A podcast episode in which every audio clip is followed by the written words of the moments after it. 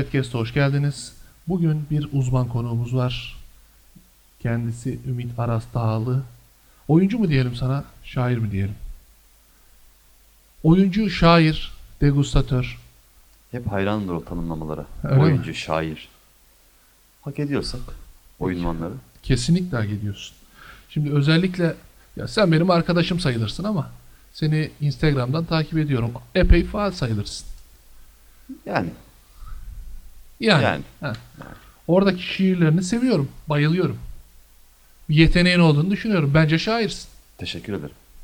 O yüzden çağırdık zaten. Değil mi? Böyle boş adam çağırmıyoruz. ya şimdi hızlıca girelim biz. Böyle çok uzun tutmak istemiyorum. İzlemiyorlar sonra. Bakıyorum 40 dakika. Ortalama izleyen 2 dakika.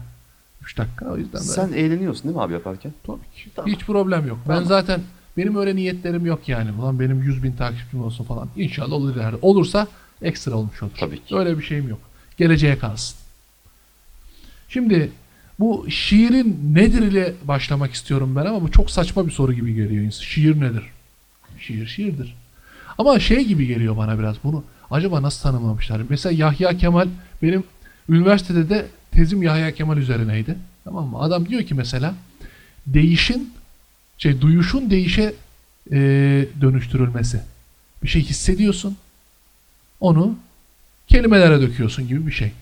Ama mesela iyi şiir, kötü şiir diye de bir şey var mı sence? Ben öyle düşünmüyorum. Yok mu? Ben öyle düşünmüyorum. Şiirdir diyorum geçiyorum. Hmm. Ama mesela evet bir şey diyeceksin sanki. Bilmiyorum şiir için herkes elbette ki bir şey söyler mi? Yani benim öyle kesin kalıplarım yok. Yani şiiri çok pohpohlayayım, çok yükselteyim, çok o açıdan bu açıdan anlatayım, şöyle anlatayım. Öyle bir derdim yok. Ben kendim yazarken yani Şiiri seviyorum diyorsun ve yazıyorum. içimden bir şeyler geliyor. Bunları yazıyorum. Ha. Yani seslendirmeye çalışıyorum. İnsanlar buna şiir diyor.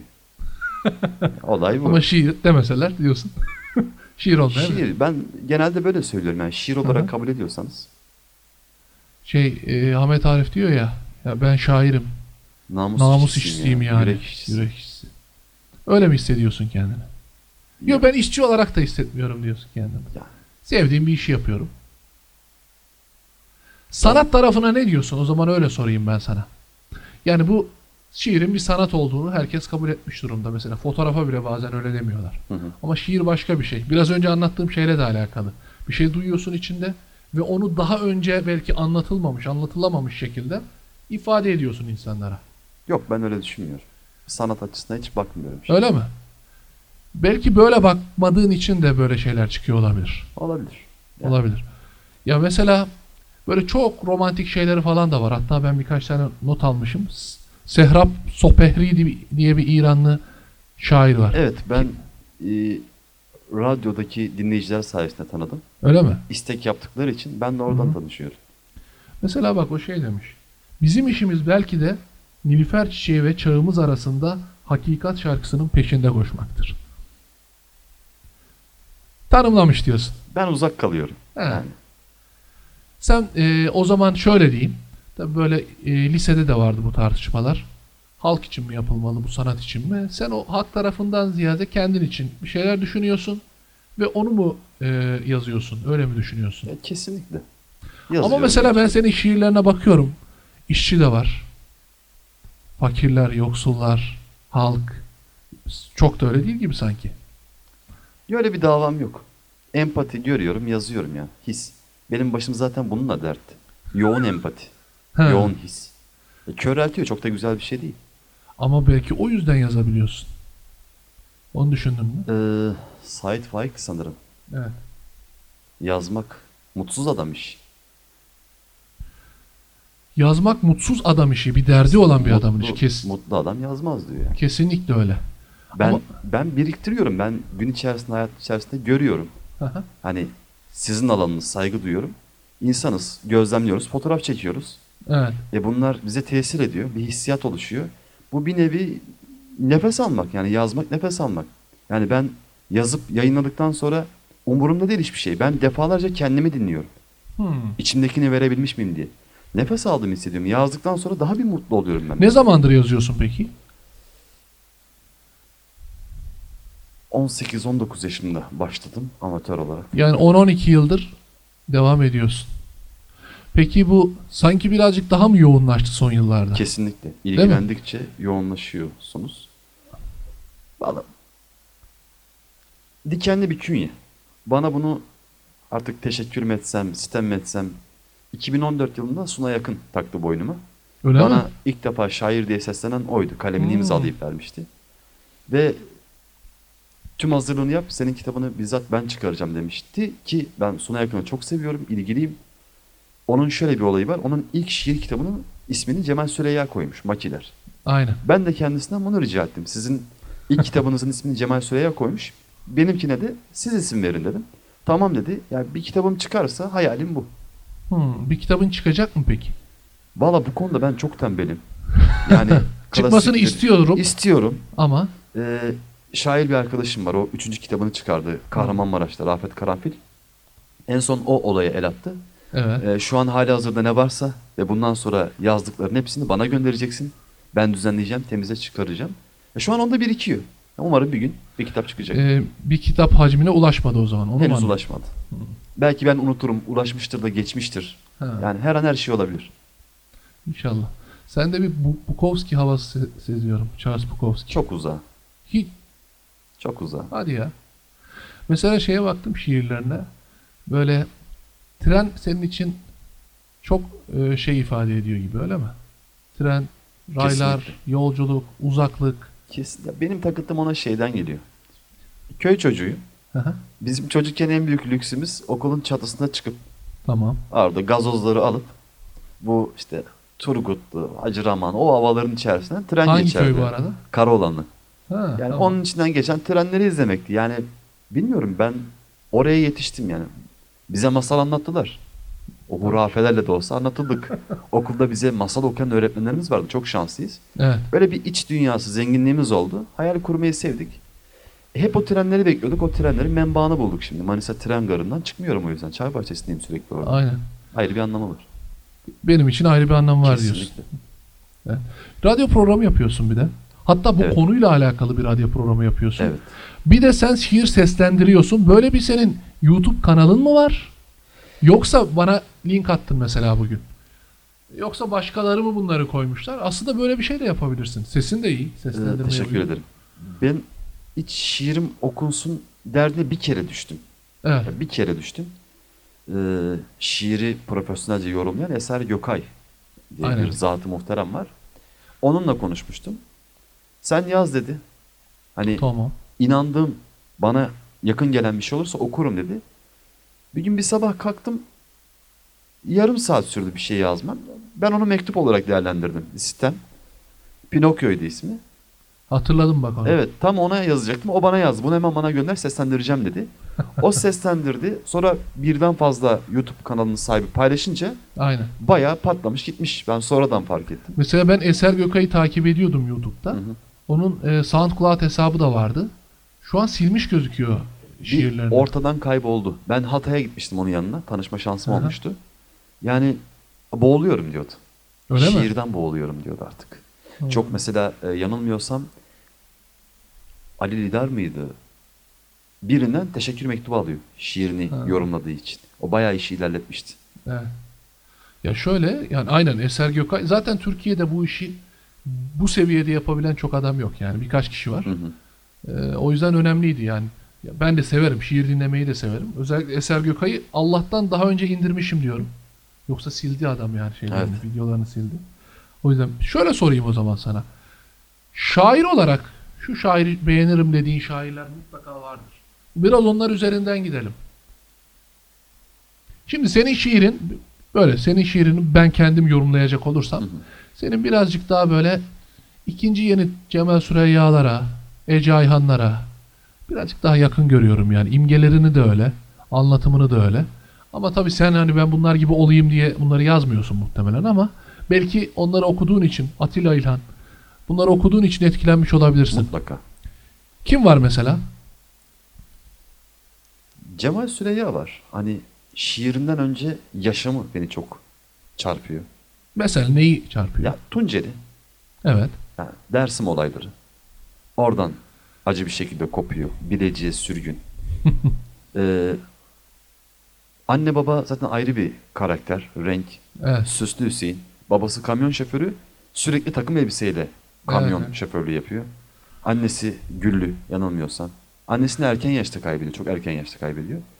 Ve o kadar acısına rağmen Cemal Süreyya yani Aynen. küsmüyor. Sırtını dönmüyor. Mesela Cemal Süreyya'nın da ilk şiirlerini okursan işte 555K falan bunlar da birazcık daha toplumcu gibi. Özellikle Menderes'e falan ciddi giydirdiği şiirleri var. Sonra, sonra o da böyle senin gibi birazcık daha kendi içine dönüyor sanki. Cemal Süreyya'da da. Ee, şimdi Ahmet Arif dedik ya Evet. ve ben namus işçisiyim. Aynen. Bu adamlar çok katmanlı adamlar. Birçok şeye vakıf Tabii adamlar. canım. Ahmet- çok donanımlı adamlar. Yani Suna yakın Cemal Süreyya'yla evine gelmiş, gitmiş, nikah törenine gelmiş. Müthiş bir samimiyetleri var. Baba Evet. gibi görürdüm, abi gibi görürdüm diyor. Yani Suna yakın gibi yürüyen bir kütüphane, yaşayan bir ansiklopedi. Aynen. Onun için diyor ki gördüğüm en kültürlü insan. Yani bu, bu insanlara baktığın zaman şairlik buysa evet onlar şair. Yani O yüzden kendimi değerlendirdiğim zaman ı -ı. Bak mesela ben Stephen King'in Yazma Sanatı diye bir kitabı var. Tamam onda e, yani birkaç ay önce okudum. Güzel bir sözü var. Diyor ki eğer okumaya vaktiniz yoksa yazmaya vaktiniz de yoktur. Olamaz yani.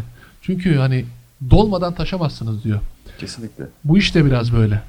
Hani e, mesela ben Atilla İlhan'ı falan da bu konuda çok takdir ederim. Mesela Atilla İlhan da Aruz'la yazıyor ilk şiirlerinde.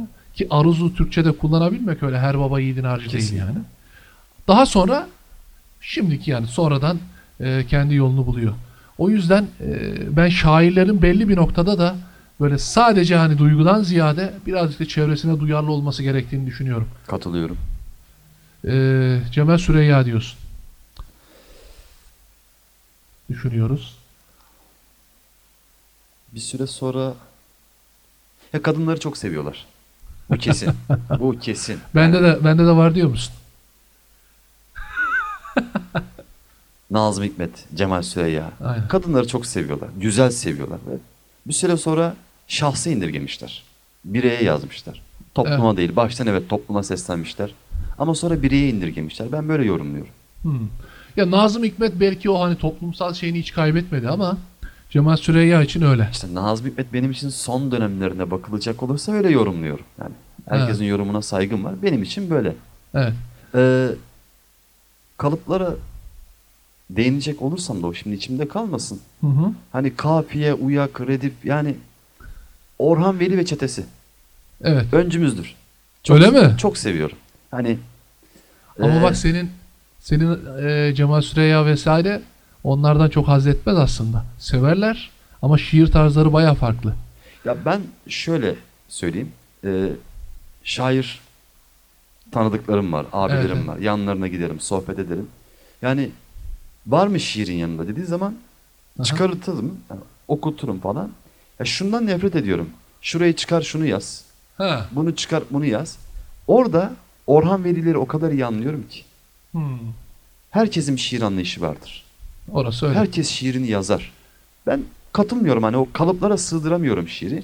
Ki e, Behçet Necatigil'in Şükrü Erbaş için kitabına yazdığı bir notu var. Yani serbest yazım diyor. Öyküsel anlatım. Ben bunu seviyorum. Evet. Ben bunu seviyorum. Ya şöyle, e, garipçiler aslında eleştirildiği nokta şu. Senin dediğin gibi şiiri her yere sokuyorlar. Hı hı. Ama bunlar diyor ki ya bu kadar da hatta şey diyorlar Ayşe Fatma Edebiyatı böyle herkesin de ayağına düşmesin yani bu şiir denilen şey birazcık daha yukarıda olsun. Sanat olarak görelim. Bundan birazcık e, karşı çıkanlar oluyor. Ama onun dışında yaptığı acayip bir şey yani. Ki 19 yaşında yazıyor manifestoyu adam. Şimdi 19 yaşında liseden mezun olan adam bakkala zor gönderiyor yani. Ki adam 3 dil biliyor vesaire Ankara'da. Müthiş adamlar.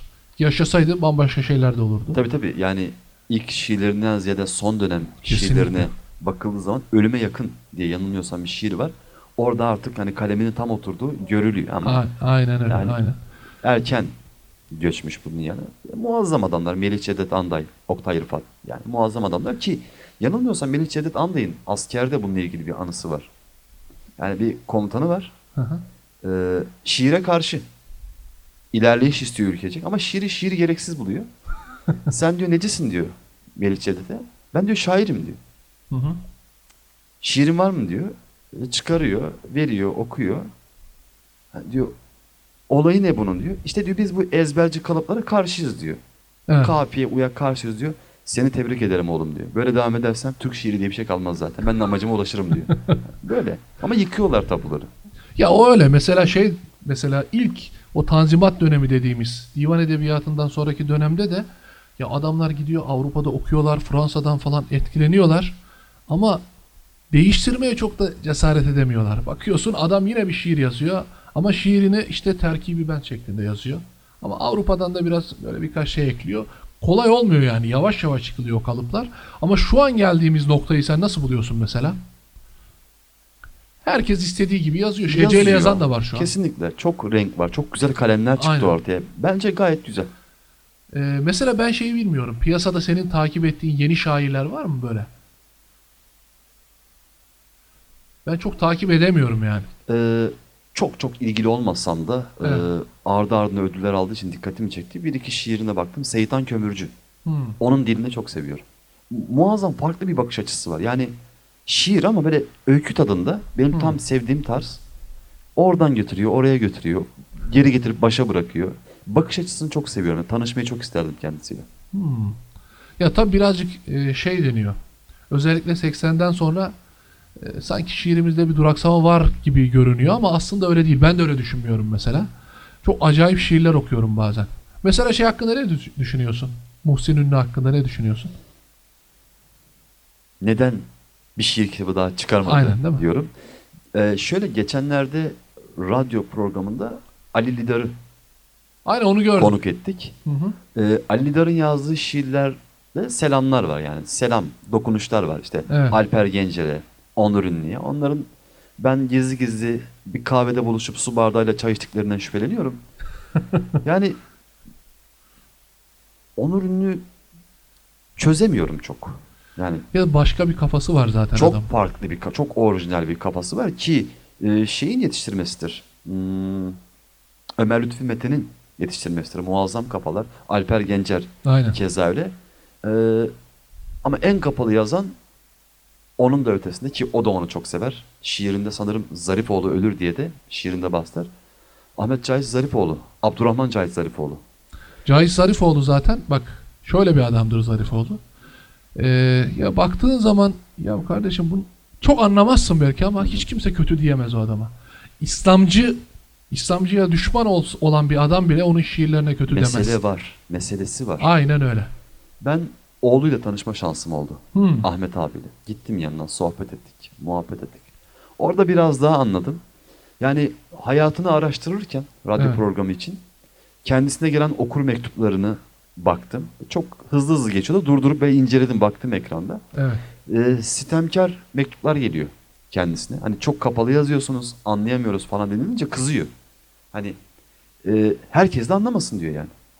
Aynen Ya da öyle. diyor bunu anlaman için belli bir donanım lazım. Az önce bahsettiğiniz gibi. Mesela ben onun böyle bazı sanki özlü söz gibi şiirlerinde geçen beyitler vardır. Hı hı. Mesela çok hoşuma gider ya hayat felsefesi yapılır. İşte düştüysem eğer sana, Sana bakarken, bakarken düştüm. düştüm. Ya da mesela bir aşk tarifi var. Ona baktım biraz önce de. Mesela bir film ben bunu hatta senaryoda da yazdım. Film sahnesi gibi. Ve ellerin uçuşan yapraklar gibi birden nasıl yalnız olduğumuzu anladım. Kimseler yoktu ikimizden başka birbirine bakan. Yani böyle bir filmin bir sahnesi gibi koymuş adam oraya. İşte bu adamlar ya şöyle mesela Sezai Karakoç okur musun hiç? Mona Rosa. Bak. Sezai Karakoç'ta da böyle şeyler vardır. Yani ben Sezai Karakoç'la hani çok benim tarzım değil. Ee, şey gibi geliyor bana. Bunu belki linç yiyeceğim ama keçi boynuzu gibi geliyor biraz. Çok fazla okuyorum. Ama içinden çok az bana hitap eden bulabiliyorum. Tamam mı? Keçi boynuzu bunun tam olarak neresi oluyor abi? Onu Şöyle çok merak ettim şu an. e, keçi boynuzunda da hani bir Osmanlı padişahına getiriyorlar. Böyle bir şey var müthiş tatlı vesaire. Yiyor. Veriyor geri. Diyor ki bir gram bal için bir çeki odun yemem. Anladım. Anladın değil mi? Anladım. Anladım. Anladım. Bu da böyle oluyor biraz. Ama e, bazı yer geliyor diyorsun ki "Kardeşim, bu adam bunu nasıl yazmış ya? Yani o yeteneğini orada Nirvana'ya taşıyor. Cahit Zarifoğlu da benim için böyle bir adamdır. Belli şiirleri en üst en üst seviyededir. Kesinlikle. Ama hepsi bana hitap etmez. Ee, kim Cahit Zarifoğlu'nda kim kimden konuşuyorduk ya? Biz Muhsin Ünlü'den konuşuyorduk. Evet. Cahit, Zar, Cahit Zarifoğlu'nun ekolün, ekolünden diyorsun. Ama o birazcık daha şey gibi sanki değil mi? Birebir değil de yani. Tabii ki. Ama aslında dindar bir adam olduğunu hissediyorsun mesela. Yani Resulullah'la benim aramdaki farklar, Farklar. ben okurken ağladığım nadir şiirlerden Evet. biridir yani. Öyle bir öyle bir şiirdi. Ca- Zarifoğlu'nda da öyle şeyler vardır. Ama sanki şu an Onur Ünlü şiir yazsa öyle bir olmaz gibi geliyor bana. diyorsun. Bana öyle bana öyle geliyor. Yani bu yazma konusunda alanları farklı ama hani takıntılı olduğum iki insan var. Yavuz Turgul ve Onur Ünlü. Yavuz Turgul'a takıntılıyım dedin. Şöyle benim için Türk sinemasında yapılmış en iyi film Muhsin Bey'dir. Benim için öyledir. Ben de takıntılıyım. Neden öyle söyledin yani onu biraz açalım. Daha dün radyoda bu konu konuşuldu. Ee, bir röportajında Eşkıya filmi için sanırım. Bende Hı hı. tap filmi Eşkıya'dır. Öyle mi? 10 yıl sürdü diyor. Yazıyordum kaybediyordum evin içinde topluyordum diyor. Yani yazıyorsun niye bu kadar bekletiyorsun? Ki Şener Şen'le çok geçmiş yıllara ait bir arkadaşlığınız var. Çok sağlam bir dostlukları var. Evet. evet mesela Şener Şen'i de konuştuk. Neden başka bir yönetmene çalışmıyorsun? Biz sinema izleyicisi olarak seni çok seviyoruz. Seni daha fazla görmek istiyoruz. Yani projem yok, senaryom yok. Mutlaka vardır. Tabii. Mutlaka vardır. Ama ona bağlı çalışıyor. Yavuz Turgul çok bekletiyor. Hani ben Yavuz Turgul'da en son nerede kaldım açık söyleyeyim. Gönül Yarası filminde kaldım. Yani Daha sonra da çıkardı ama dediğin gibi ben de öyle. yani Ben de öyle. yaz abi yaz. Bekliyoruz seni. Aynen öyle. E Şener Şen senin gözünün içine bakıyor zaten. Şener Şen hala Şener Şen varken diyorsun. Değil mi? Değil mi? Bu da geçti işte. Şener Şen, İlyas Salman, Evet. yani Genco Erkallar, Metin Akpınarlar yaşayan değerler bunlar. Yani bir de yani bunlar tiyatro kökenli insanlar olduğu için mütevazı yapıya e, sahip insanlar. Yani öyle e, işin maddi boyutta durmuyorlar benim anladığım kadarıyla. Yani Aynen öyle. bir de öm- bir ömürleri var. Yani tabii ki orasını Allah bilir ama bir nihai bir son var. Kesinlikle. Şimdi e, yanılmıyorsam Metin Akpınar bir platforma belgesel çekti. Demek ki artık Aynen. aktarmak istiyor. Kesinlikle Şimdi öyle. Şener Şen, İlyas Saman, Genco Erkal anlatın abi biz dinleyelim. Ya da onlara mı böyle teklifler gitmiyor bilmiyorum. Ya muhtemelen teklif gitmiyordur diye düşünüyorum ben.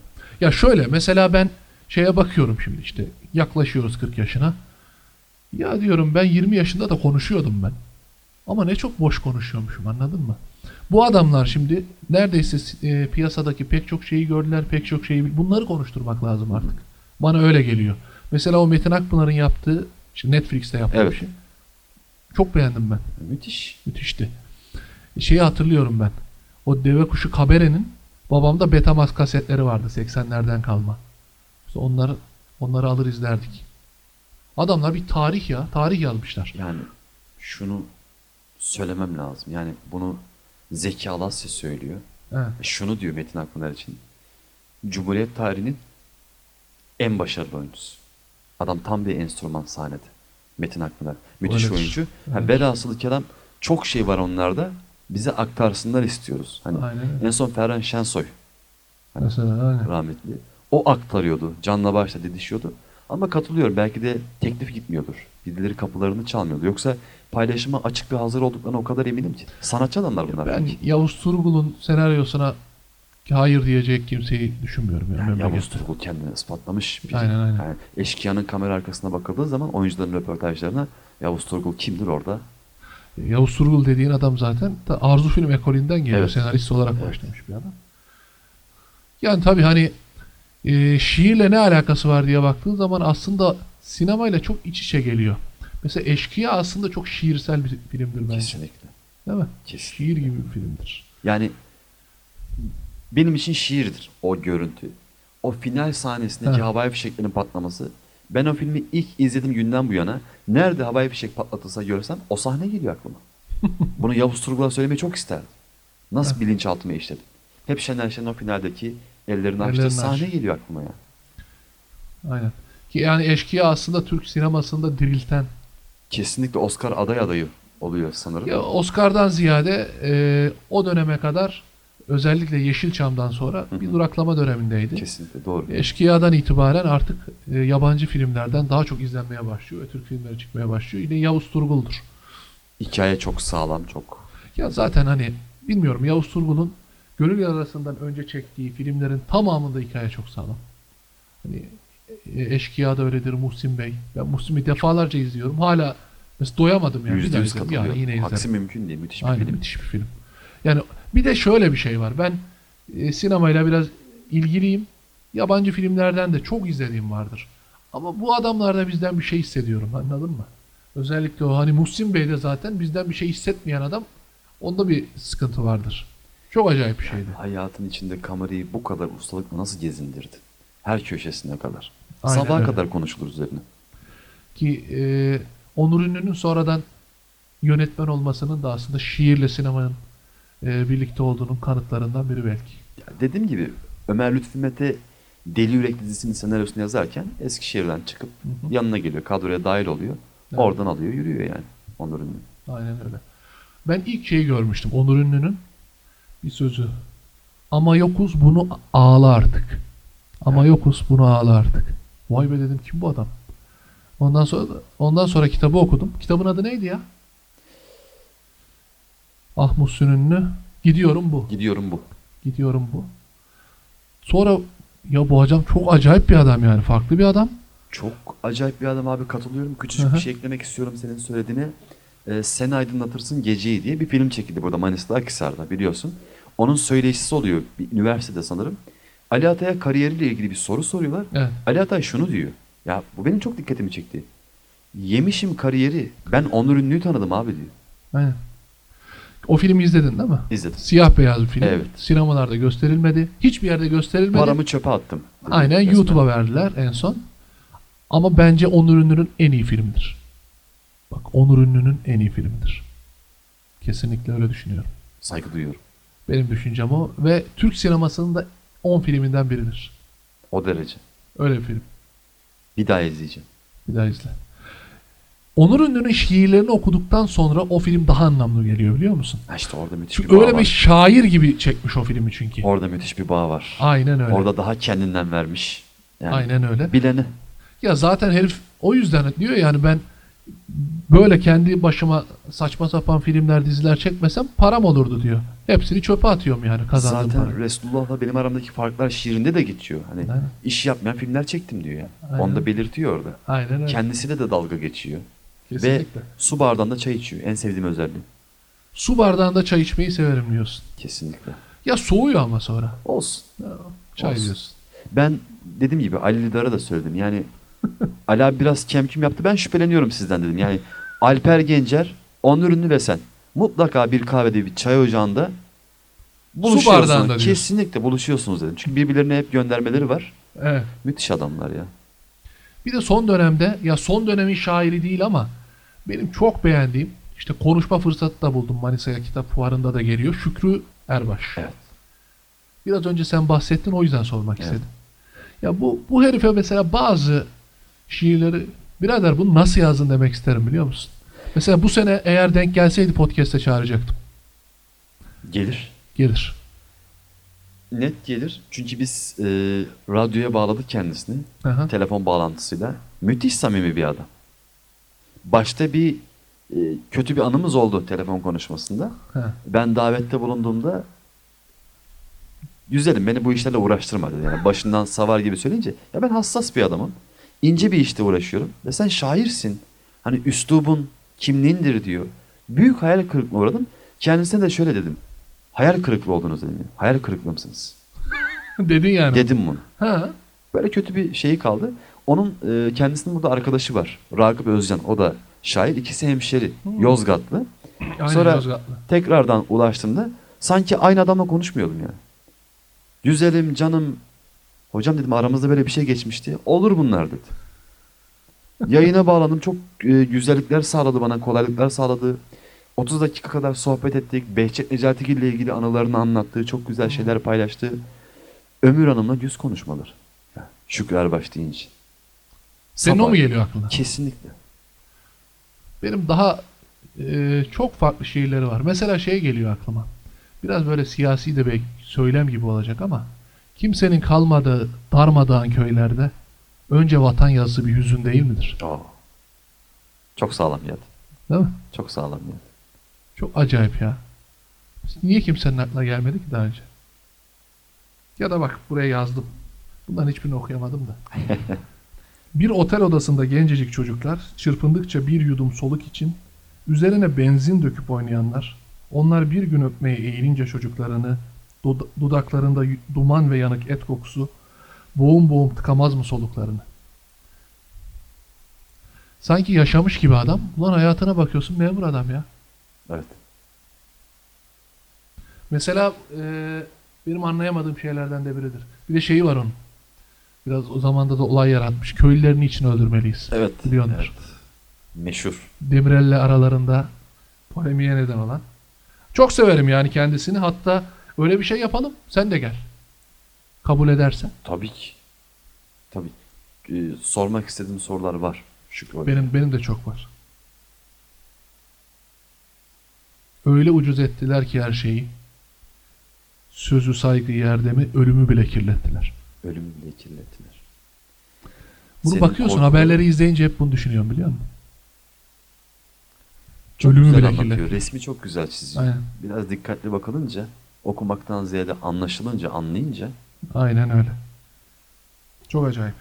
Neyse yavaştan bitirelim. Kaç dakikamız kaldı?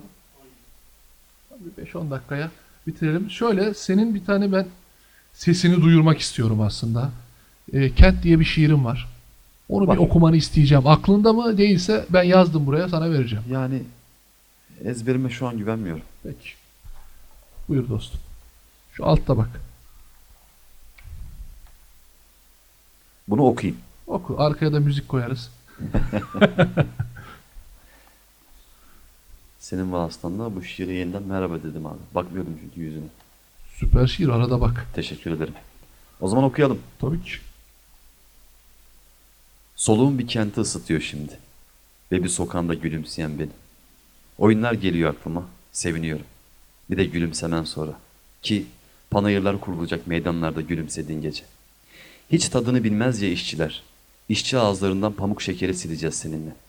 Unutulmuş bir kenti hatırlatacağız unutulmuş insanlara. Bir kimlik yazacağız umutla. Anne adına seni yazacağız, baba adına beni. Sonra, sonra tüm sokaklara şiir isimleri. Hadi. İyi günler diliyoruz. Hoşçakalın.